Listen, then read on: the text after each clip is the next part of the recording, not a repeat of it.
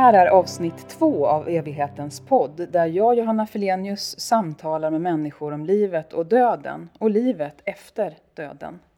Evigheten är en begravningsbyrå i Uppland och numera har vi också ett existentiellt café i Uppsala där jag sitter tillsammans med dagens gäst.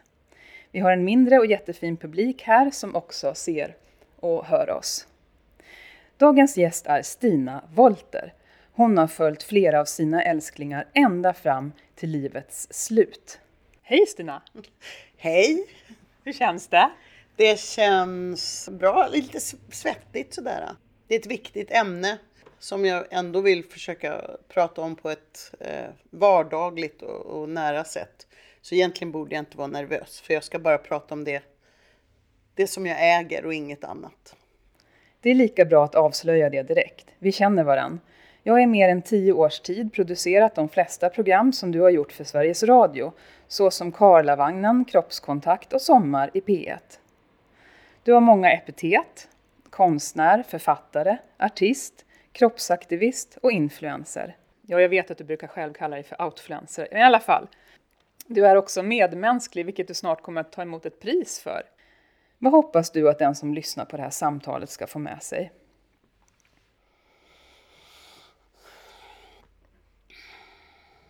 Jag har en, jag har en dröm. Om det är något som blir tydligare och tydligare är de här olika rummen som vi människor ska röra oss emellan.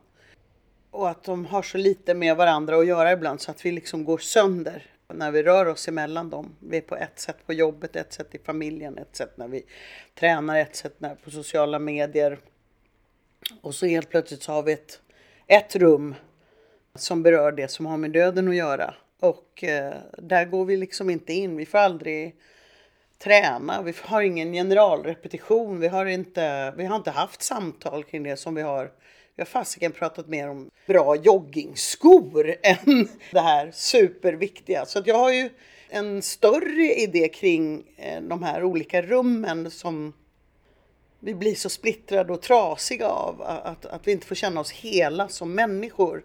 Så just det här rummet som, som handlar om det vi ska prata om idag, åtminstone öppna den dörren, bjuda in och skapa innerlighet där och belysa, skapa ljus där inne.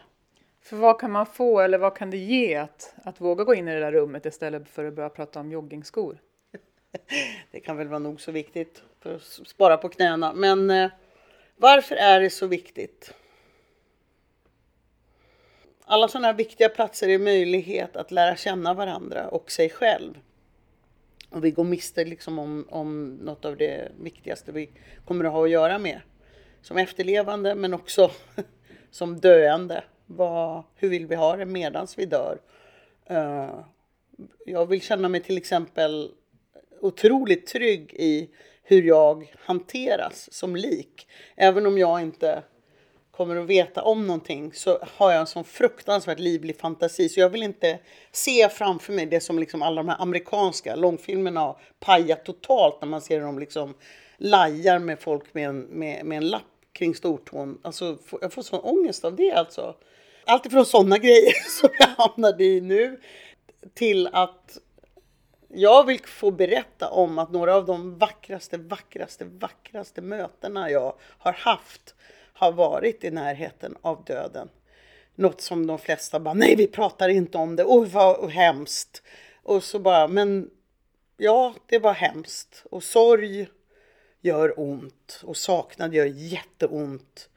Men åh vad fint vi hade det där och där i den stunden. Och vad jag förstod saker om livet och vilket viktigt budskap som verkligen tjongade rakt in i eh, tapetserade själen. Just där och ingen annanstans.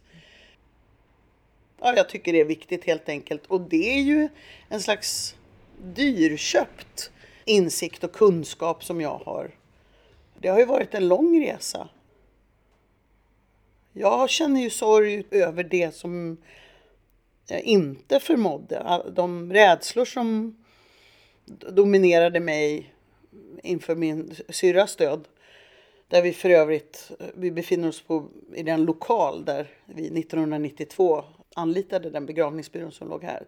Och jag har inte varit i de här rummen sedan dess. Så det, det är ganska starkt. Fruktansvärt ångestladdat var det. Det var förfärligt faktiskt.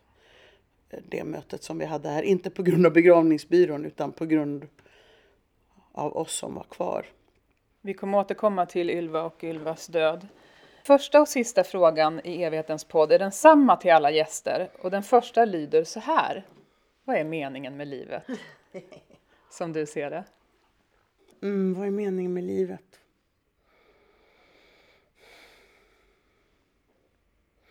Ja, framförallt så är det... Ehm, jag pratar med jättemånga unga människor i direktmeddelande på Instagram.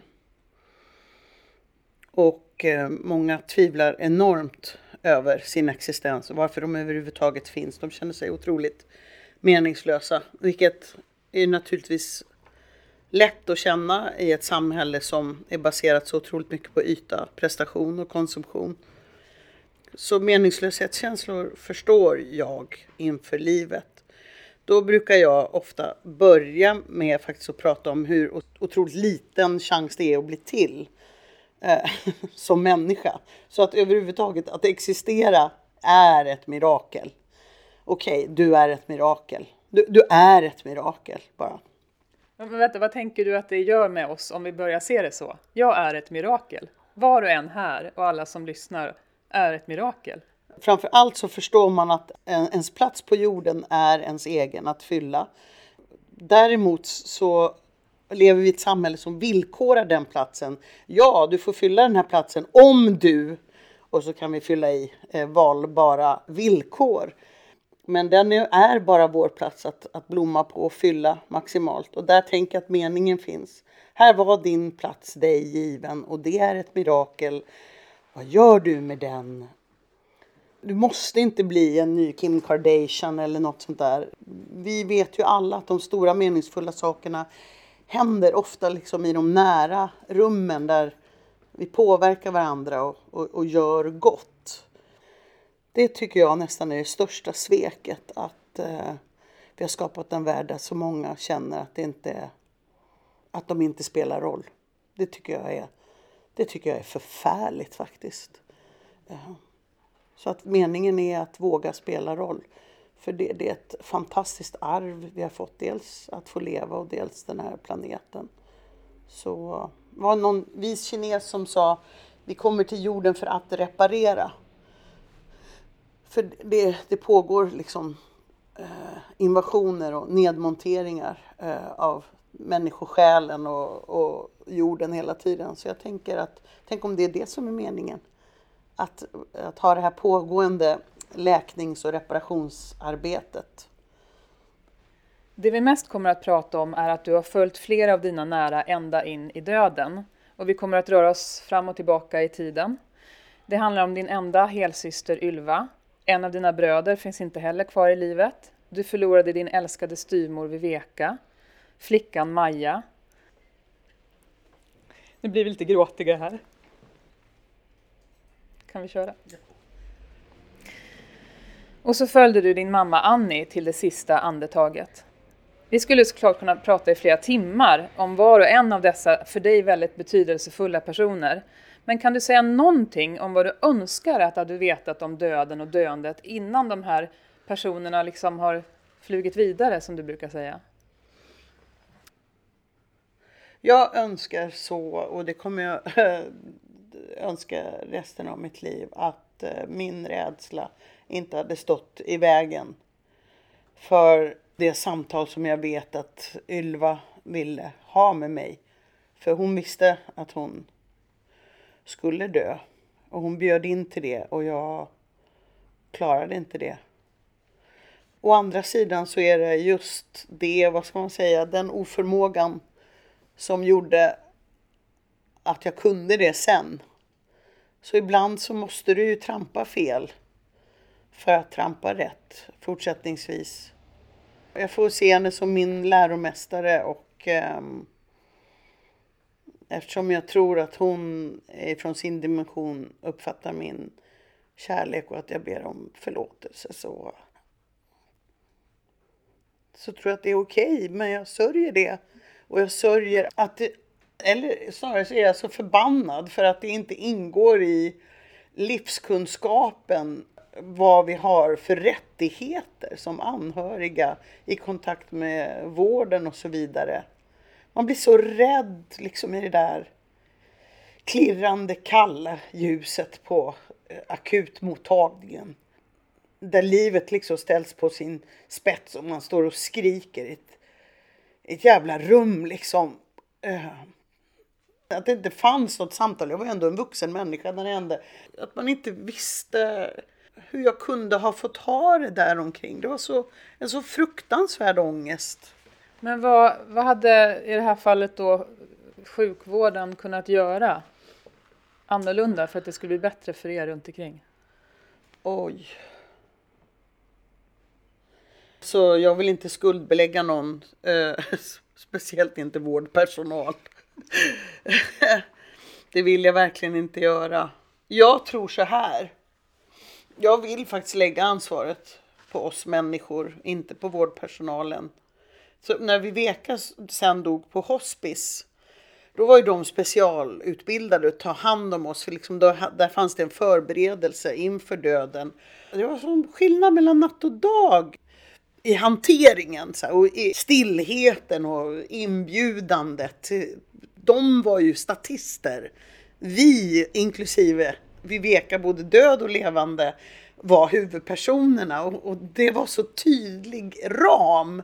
Vi förlorade henne aldrig. De, de frågade oss, ska vi göra nu? Och så var det ju inte på Akis. Där förlorade jag Ylva på fler sätt. Jag hade önskat um, att jag hade förstått att så kan det få vara. Och då hade jag kunnat kanske be om det. Därför pratar jag om det här. Nu hoppar vi i tiden till år 2007. Då är du programledare för Ring-in-programmet Karlavagnen där en mycket speciell relation inleds. Vill du veta mer om den så får du vackert lyssna på Stinas Sommar i P1. Men vi pratar om flickan Maja, åtta år gammal, som du lärde känna genom att hon mejlade till oss. Maja är då sjuk i cancer och hon vet att hon kommer att dö av den. Det här blir inledningen på det som för er blev en citat fyra månader lång kärleksrelation. Och ni till och med gifte er på distans med din mans välsignelse. Du och Maja dödstränade. Kan du ta oss tillbaka till när du förstod att det var det ni skulle göra och att hon hade valt dig till det? Ja, du pratade ju också med henne och slusspersonalen pratade också med henne. Hon brukade ringa, både ringa och mejla in. Då kallade hon sig för Sixten. Så jag läste ofta upp Sixtens meddelanden i radioprogrammet. Brett leende, för jag visste ju var de kom ifrån. Hon ville lägga sig i och prata om allt ifrån, ja jag vet alla ämnen, jätteroligt. Um, när förstod jag det? Wow, hon uh, ledde mig så varsamt in i det så att jag förstod nog inte det alls till en början. Det jag visste och det jag hade förstått var att jag inte skulle avvisa henne. Det var nummer ett. Och det var, faktum är att det är det där allt ändras. När jag på en tusendel sekund måste fatta beslutet. Ska min rädsla få styra det här? Hjälp, jag hör en liten förtjusande barnröst som, som säger bara Det där med Nangijala, det är bara skitprat. jag vet vad som händer när man dör. Någonting sånt sa hon i telefon. Och hur kunde hon veta det? Ja, hon hade varit... Eh, ja, hon visste det bara. Hon hade lämnat kroppen och varit ute och flugit och hade information om det. Och eh, där börjar ju allting när jag minns mitt avvisande av Ylva. För jag menar, man, man vill ju bara, men du, allting kommer bli bra och sådär.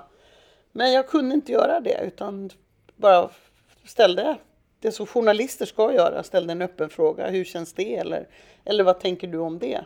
Och eh, där någonstans öppnades dörren och jag fick komma in. När det började närma sig flygdags för Maja, jag menar fyra månader är ju inte lång tid att ha kvar och leva. det började nog med att hon ville att vi skulle börja söka på information om, om allt ifrån likstillhet till Alltså vi gick igenom allt. Den, denna åttaåring ville ta reda på allt kring döden för hon, hon ville veta. Så vi gick igenom det och växlade med att spela den mest sentimentala musiken som överhuvudtaget har skapats på jorden.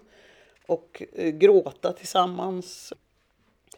Hon ville att jag skulle rita henne i hennes olika åldrar som hon inte skulle uppnå i olika stilar. För det kunde man ju inte veta om hon skulle bli punkare eller hårdrockare eller eh, revisorstilen. Så alla olika. Så här, tonåring, morsa, aktivist, så här, bara, pensionär, alla olika. Så jag tecknade och tecknade. Det var ju bra att jag var konstnär. Men framför allt så tog vi ut allt vi kunde i förskott. Hon behövde sörja sin död i förskott. Och eh, nu blev det inte så. Det blev lugnt och fint men eh, hon ville inte ha, liksom, som hon själv sa, något balliho. Så hennes plan var att stänga av sitt larm som hon hade på sig och sen krypa ner mellan sin mamma och pappa och, ja, på natten när de sov.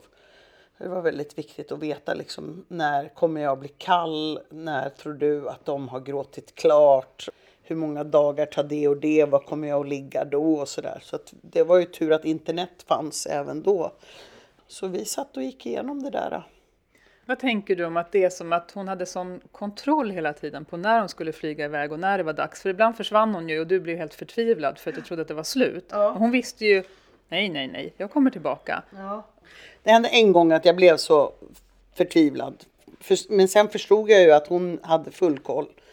Hon kunde ju säga just det att nu, nu flyger jag och jag landar på fredag klockan två. Och då, så gjorde hon det också. Så det var ju så att hennes familj ringde till mig och bara berättade då att hon var medvetslös. Och jag bara, ja men hon, hon landar på fredag klockan två. och det gjorde hon också. Men, men, vad tänker du om att hon kunde ha den kollen liksom? Dels så kan jag eventuellt tänka att tänk om det är barn, döende barn, kanske får den här möjligheten. Hon antydde det, att hon fick göra de här provåkningarna för att hon var ett barn. Vad tänker jag om det? Jag tänker på det som Maja också sa, att det finns människor som är mer eller mindre uppkopplade och jag, hon sa dessutom också att vi inte kan förstå. Och om vi förstod medan vi levde så kanske vi skulle bli galna eller ta livet av oss. Så jag har nog snarare accepterat att um, hon var uppkopplad mot någonting som jag I just have to surrender. Jag måste acceptera det, men jag kanske inte kan förstå allt. Däremot så beskrev hon ju allting så extremt tydligt. Så jag kan, inte, jag, kan, jag kan liksom inte ifrågasätta det av flera skäl. Du önskar att människor kunde se på sin kropp som ett formäventyr och komma bort från den dömande blicken. Vad tänker du när vi nu pratar om Maja, att du faktiskt aldrig träffade hennes fysiska, fysiska jag?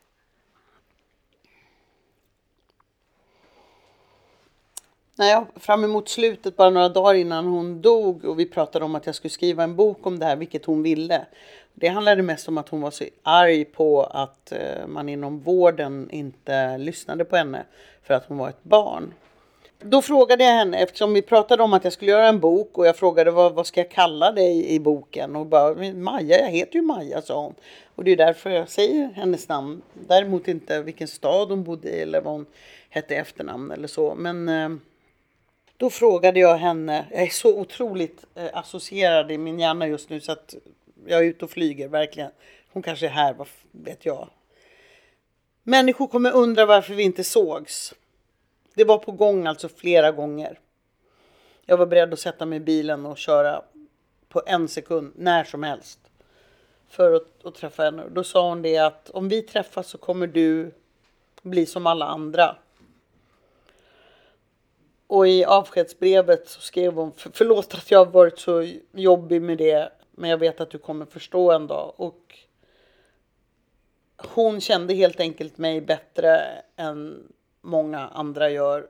Jag är en extremt fysisk person som knyter an. När det är på riktigt, då knyter jag an rejält. Och, och det gjorde jag ju med Maja. Och hon behövde inte en annan vuxen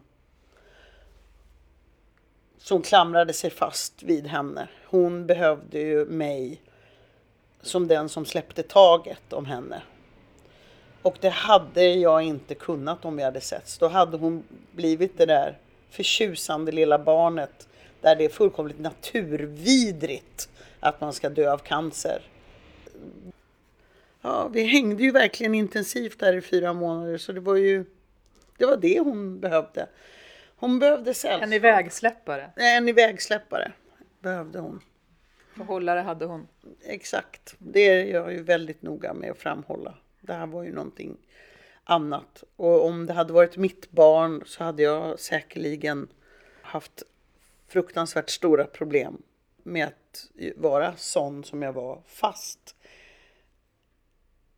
Jag har ju haft ett barn som har mått väldigt, väldigt dåligt och då har jag någonstans funnit tröst i det jag hade med Maja även där. Hon coachar ju mig efter sin död som värsta coachen, så är det ju. Nu ska vi hoppa i tiden igen.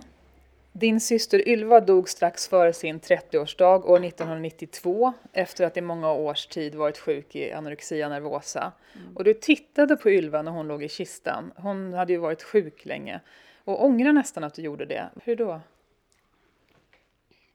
Ja, det var en sån där knäpp grej. Jag hade ju hunnit köpa hennes 30-årspresent som var en jättefin blus med rosenbroderier på smocken här uppe. Och um, Ylva hade en jättegod vän som ville få se henne. Så innan vi hade avskedsbegravningen där så, så var kistan öppen. Och då fick jag för mig att jag skulle bara kolla att de hade knutit den där blusen rätt. Sån är jag. Så var det med mamma också. Jag vill bara kunna se framför mig att allting är bra där. Att det, att det inte ligger konstiga veck eller skaver eller att, att det var fint. Jag vill kunna se den bilden framför mig och sådär. Jag, jag ångrar faktiskt att jag tittade på henne för att eh, dels så råkade mina fingrar snudda obduktionsstygnen som är brutala.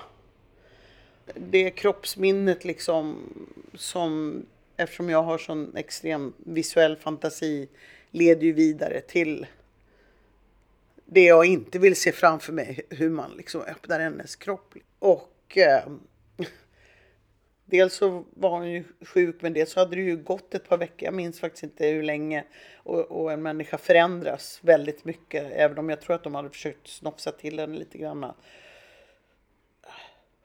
det var en skräckupplevelse, men å andra sidan så i allt det värsta så finns det ofta någonting, eh, ett viktigt budskap. För jag, jag vet inte om jag hade velat vara utan insikten om att shit, det är nog så att själen finns. För att Ylva är ju inte här. Det här är ju skalet. Det var, det var verkligen...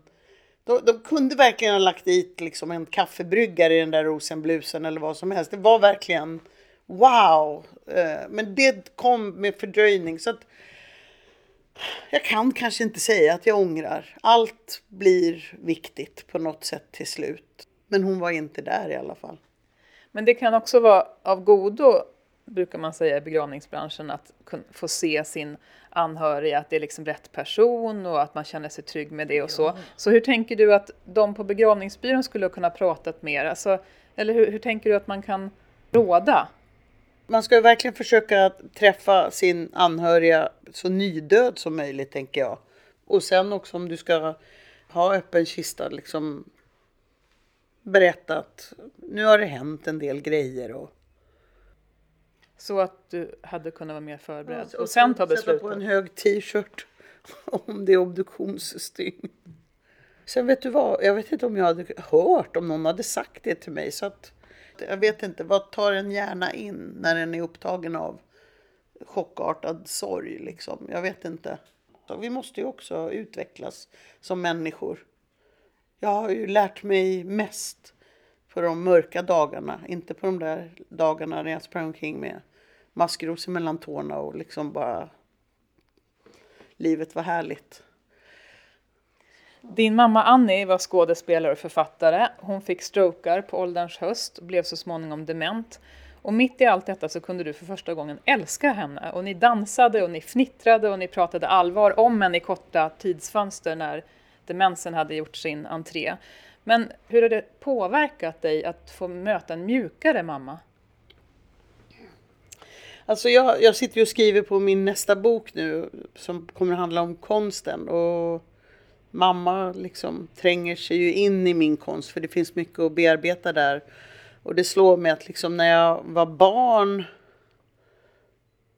så fanns inte det där hårda utan det kom så småningom. Det finns sån stor förlåtelse, försoning och kärlek från min sida. Ju mer jag fördjupar mig och tänker på hennes liv. Så jag tänker på förändring mellan generationer. Hon kunde verkligen inte vara bättre eller annorlunda. Och med det sagt så var en av mina stora rädslor, eftersom vi hade det svårt innan hon blev sjuk, att jag skulle stå vid en dödsbädd hos en mamma som jag inte tyckte om. Eller var arg, besviken och bitter. Det var jag verkligen rädd för. Jag var rädd för hur min, mitt sorgarbete skulle se ut. Så att jag hann upprätta relation, hinna ha otroligt mycket kroppskontakt och, och fysisk beröring och närhet och eh, känna hennes eh, kärleksfulla blick på mig. Det har ju varit extremt läkande för barnet Stina och den unga Stina som jag har inom mig som inte kände sig godkänd eller, eller vacker eller värdig. Bara för att jag sitter här 56 år så är ju mina olika åldrar liksom inte left behind utan de, de är ju med och de pockar på i allting. Eh, även i det relationella. Så det är ju en av de vackraste gåvor som livet har gett mig och smärtsammaste också att det sker i närheten av demens. Att vi, vi hade så fina stunder. Det går inte att förklara. Jag ler ju numera när jag gråter. Ingen bekymmersrynka, bara, bara liksom leende tårar och ren sorg och saknad. Det är så skönt att få sörja henne så. Det är så fint. Din mamma Annie flög vidare år 2018 och jag var själv officiant, alltså den som pratade på hennes begravning. Och hon ville ha fyrverkerier. Hon fick bordsfontäner eller bordsfyrverkerier eller vad det heter. Ja. Det var liksom den variant som gick att göra av säkerhetsskäl. Mot, motvilligt. Motvilligt. Men vad tänker du om möjligheten att få skapa egna ritualer runt en död person? Ja, jag tror att det är jätteviktigt. Det är ju liksom det ljusaste roligaste, busigaste minnet när jag envisas med att vi ska ha de där bordsfyrverkerierna på kistan. äh, det var så underbart och personligt. Vad, vad, tror du var grejen med hennes önskan med det? Hon gjorde ju till och med liksom ljudeffekter av hur ja, det skulle låta. Hur skulle det låta? Jag har ju det inspelat i min mobil. Jag har ju många samtal inspelade med mamma. Och jag kommer att vilja ha det med farsan också jag har inte lyssnat på dem så många gånger. När jag skrev boken, min första bok, så, så lyssnade jag igenom några gånger. Men eh, bara vetskapen att de finns där, bara vetskapen att jag har inspelat när hon med sin fantastiska röst säger Nej men man vill ju dö med ett kabrak. Ungefär så där sa hon. Ett, ett riktigt fyrverkeri, det ska jag ha. i samma ögonblick jag tänder de där fontänerna så liksom hör jag hennes röst och hon bara blir så levande. Och så var det med Viveka också. Vi gjorde det på ett otroligt personligt sätt på Nalen. Jag målade ju både Ylva, mammas och Vivekas kistor. Så att på Nalen så hade farsan beställt en kulle av gräs med, med blommor på, mitt i, på dansgolvet. Och där stod Vivekas kista som var handmålad med alla möjliga blommor. Och Billie Holidays eh, favoritblomma, hon sjöng gärna Billie Holiday-låtar. Och, människor satt runt omkring och så var det öppen scen. Och, och där var hon mitt i alltihop. Alla hennes skådiskollegor liksom sjöng och berättade. Och det var så fantastiskt. Och pappa har berättat att människor skriver fortfarande och säger att de inte hade en aning om att man fick göra vad man ville kring en begravning. Och att de efter den här begravningen kände att det hade öppnat sig. Wow, så kan man få göra. Så vill jag. Ja, att, att de hade skalat bort rädsla och kramp. För att det här var så väldigt mycket vid veka. Och, och det här med att måla kistor, att du har målat flera kistor. Ja. Efter Ylva och efter eh, Viveka och efter mamma Annie. Vad har det betytt för dig? Det har ju varit, ja oh, gud den slutliga hyllningen, ritualen för mig. Att man står i något typ förråd, du vet under källaren eller vad det har varit lite på märkliga ställen. Och det har varit min stund att eh, koncentrera mig och bara tänka på den här människan och skriva och måla det finaste jag kan komma på. Och just det där, eh, det är deras sista viloplats liksom. Och tänk att jag får smycka den. På Viveka stod det så slockna alla stjärnor till slut. Men de lysa alltid utan skräck. Edith Södergran. På Ylva stod det runt om Taliho, Taliho. Jag har skjutit en dront för det var hennes älsklingsdikt. Och på mammas så stod det alla, alla hennes namn. Allt hon har blivit kallad. Alla vårblommor som jag visste att hon tyckte om. Mm. Det är jätteviktigt. Jag önskar att alla fick måla sina anhörigas kistor. Det tycker jag att ni ska erbjuda. Det vi gör är att vi eh, har med en guldpenna och så kan man skriva och rita på kistan. Det var jag med om senast igår. Det var en liten flicka som ritade en snigel och två blommor och ett hjärta på den som hade gått bort kista.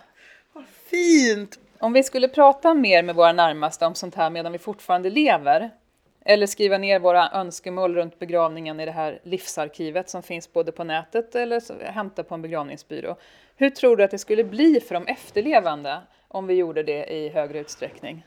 Jag tror att det skulle bli eh, otroligt mycket mer eh, harmoniskt och jag vill när jag dör att de som sörjer mig kände mig. Det är kanske, om jag är rädd för någonting så är det liksom jag vill inte att någon ska stå och undra liksom, vem var hon? Vad tyckte hon om? Lika fullt så vet vi ju att vi inte vet allt om varandra. Så att skriva ner hur man vill ha det är ju också den sista eh, bekantskapen. Så här, det här är jag. Det här tycker jag om. Jag skulle bli så glad om det var så här runt omkring den här stunden. Å andra sidan är ju stunden för de efterlevande men jag tänker också att det kan kännas skönt för dem att uppfylla det. Att tryggt för dem att uppfylla det. För vi har ju, det finns ju oräkneliga berättelser om där man har trott helt olika saker. För de personer som är död kan ha sagt olika saker vid olika tillfällen. Och så står de där och vet inte om det ska kremeras eller vara kist... Eh, Eh, kist jordbegravning. Jordbegravning. Och det kan ju vara jätte, jätteviktigt hur det ska vara. Jag var på en begravning där hon visste att hon skulle dö och verkligen hade regisserat. Hon hade, sagt till om någon helt crazy låt som började spelas så att alla började skratta. Så måste hon ha fattat att om, om de drar igång den här låten nu så blir det bara nej, nej och så började alla skratta. Titta på varandra, kramas och bara åh. Så kan man ju också göra. Maja fick leva i åtta år, ja. din mamma i 88 år. Vad tänker du om det antal år vi får på jorden, att det är hela liv vi pratar om, oavsett hur, hur många de är, de här åren? Ja, när som, mitt sommarprat kom ut så öppnades det ju som en sluss och jag fick tusentals mejl och jag har inte hunnit svara på alla. Nu senast så har jag kommunicerat med en eh, mamma så förlorade en pojke på 17 år.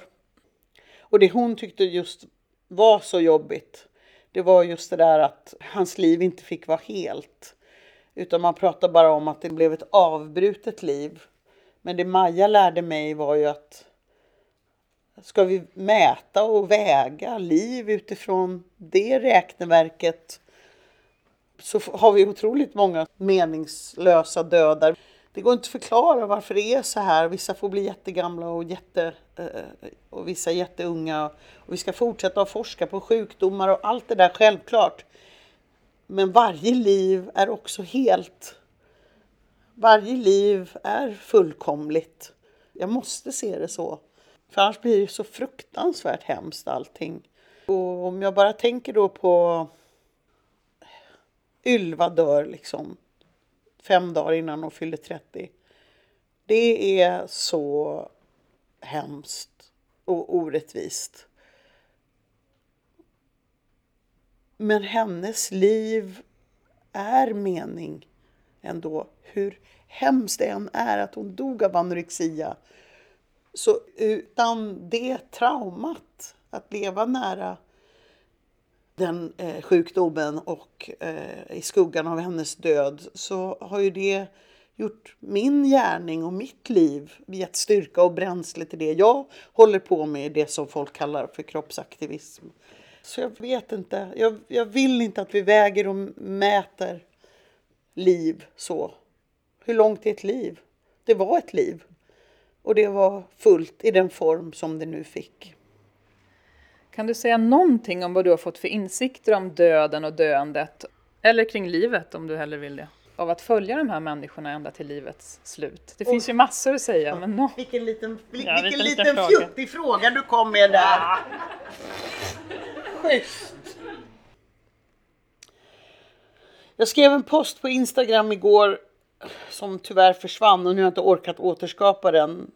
Men på grund av att jag skulle hit och prata så aktiverades massa tankar. Och det jag kom att tänka på var när man får chansen att vara sitt bästa jag. Den som man tycker om. För det fyller mig med eh, massa känslor. Eh, Kristina Lundson och Allan Edwall dog, de stod ju varandra väldigt nära. Jag saknar inte bara honom. Jag saknar mig som jag fick vara med honom. Jag saknar den som jag blev ihop med honom. Och det tycker jag är så fruktansvärt starkt. Och det har jag lärt mig att i närheten av döden så skalas så mycket av, av skit. För du kan inte vara något annat än närvarande och sann. Rummet kring döden och den döende människan kräver det av dig. Det går helt enkelt inte att vara på något annat sätt. Och där får du träffa en version av dig själv som jag tror är essentiell och sann på något sätt. Det önskar jag att människor förstod att det är en möjlighet att få träffa sig själva i en version som är lätt att tycka om. Därför att det krävs närvaro. Jag menar, jag klarade inte det i början med Ylva. Men sen. Mina döda har absolut gjort mig till en bättre människa jag är mindre rädd. Jag är inte rädd för människors starka känslor. Jag är inte rädd för människor i kris. Jag är inte rädd för människor i eh, sorg. Eh, människor som står inför sorg. Och det är ju fantastiskt att inte vara det. För då kan vi möta varandra. För rädsla är ju världens största mur försvarsmekanism självklart också, men det är också en mur som ställer sig i vägen. Så um, det bär jag med mig. Att jag har fått träffa mig själv och jag har lärt mig så mycket i de rummen om livet.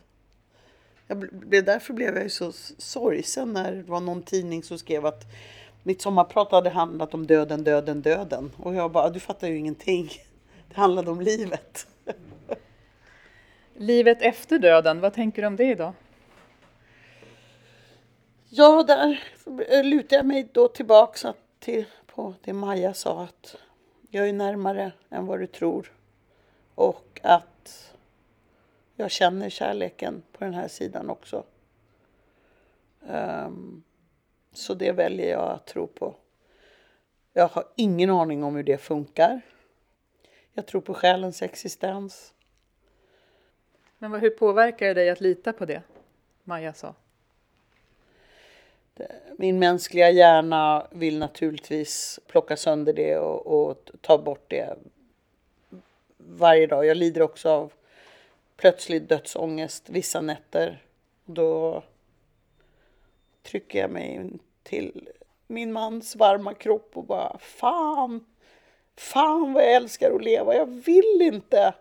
Oh, men det måste ta slut. Men åh! Oh. Och så bara börjar hjärnan och snurra runt och så kommer Majas ord och så bara börjar det tjattra i hjärnan och jag säger det igen. I just have to surrender. Låta de känslorna komma när jag känner mig rädd.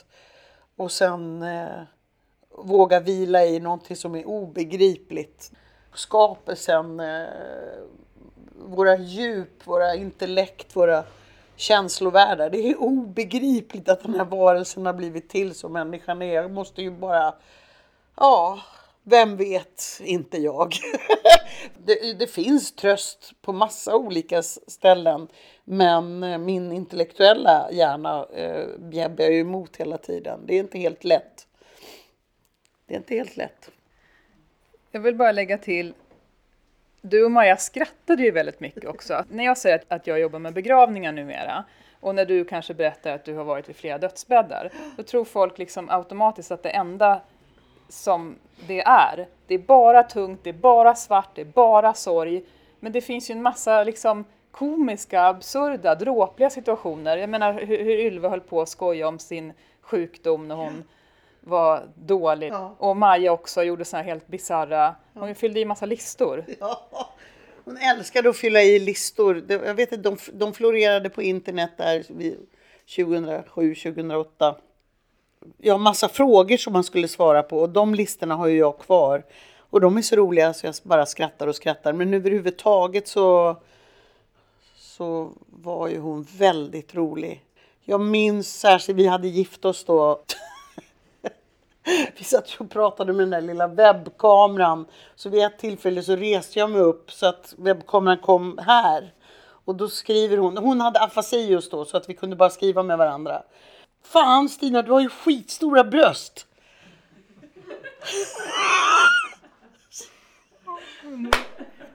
Skrev hon.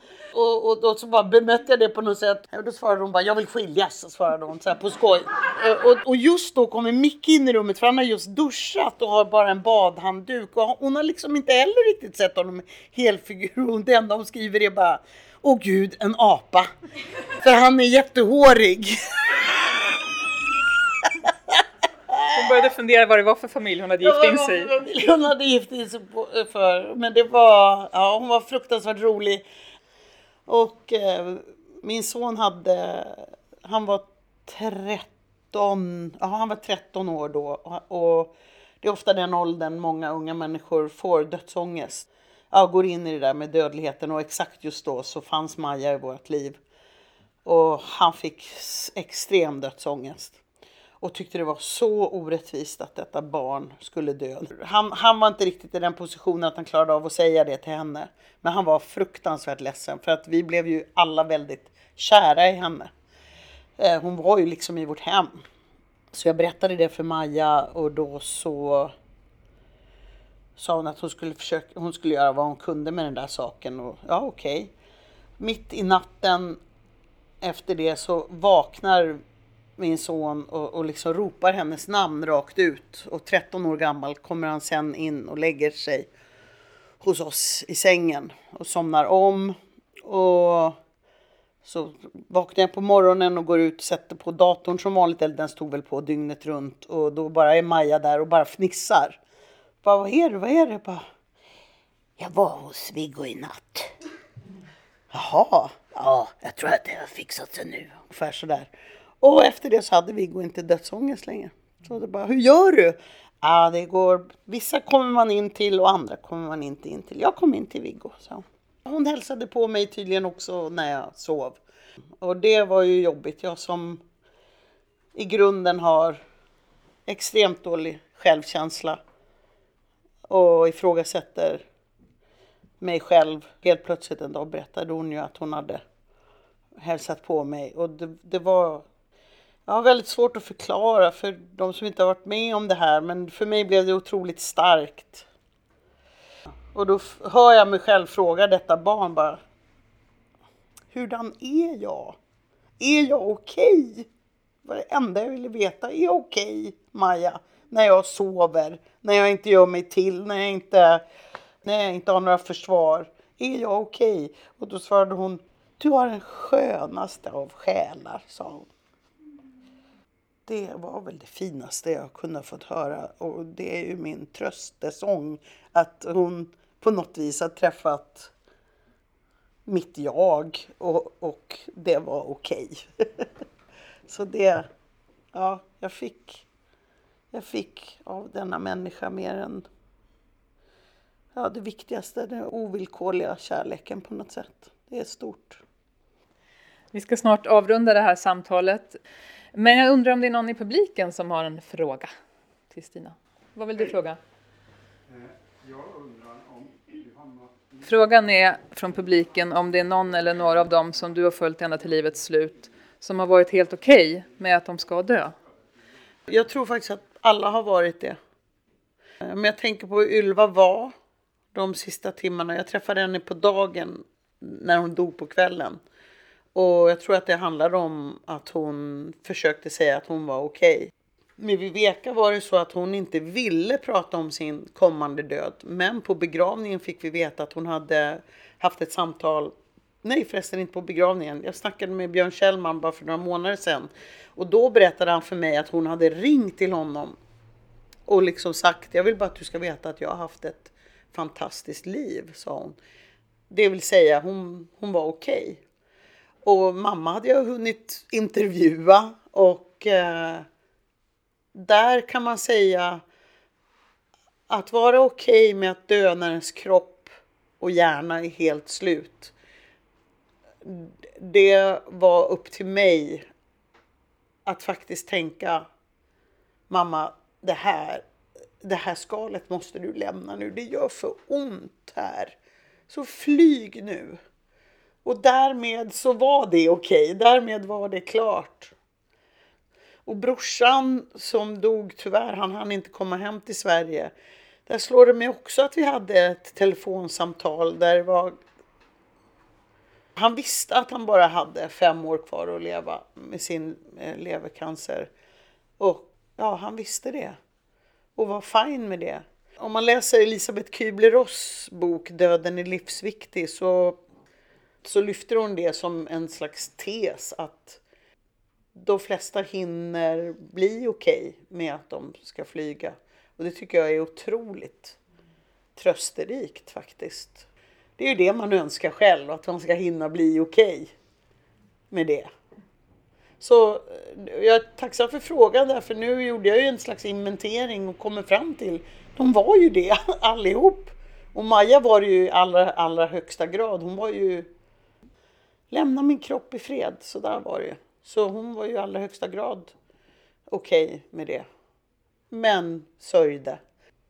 Det var som när jag slutade drömma om att Viveka skulle komma tillbaks. Det var ju när jag stod vid hennes dödsbädd medan hon fortfarande levde och tänkte på vad liv hade varit för henne. För just henne vad var liv? Och det här var inte liv. Det här var, det var passerat. Och då skulle det inte vara det längre.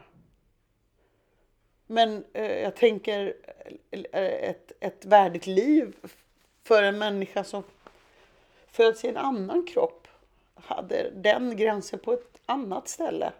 För varje människa måste man se vad är liv för den här människan och är det det den kan ha? Är det inte det så måste vi släppa taget. Om det är för trasigt eller utslitet helt enkelt. Våra kroppar slits ju ut av livet ibland.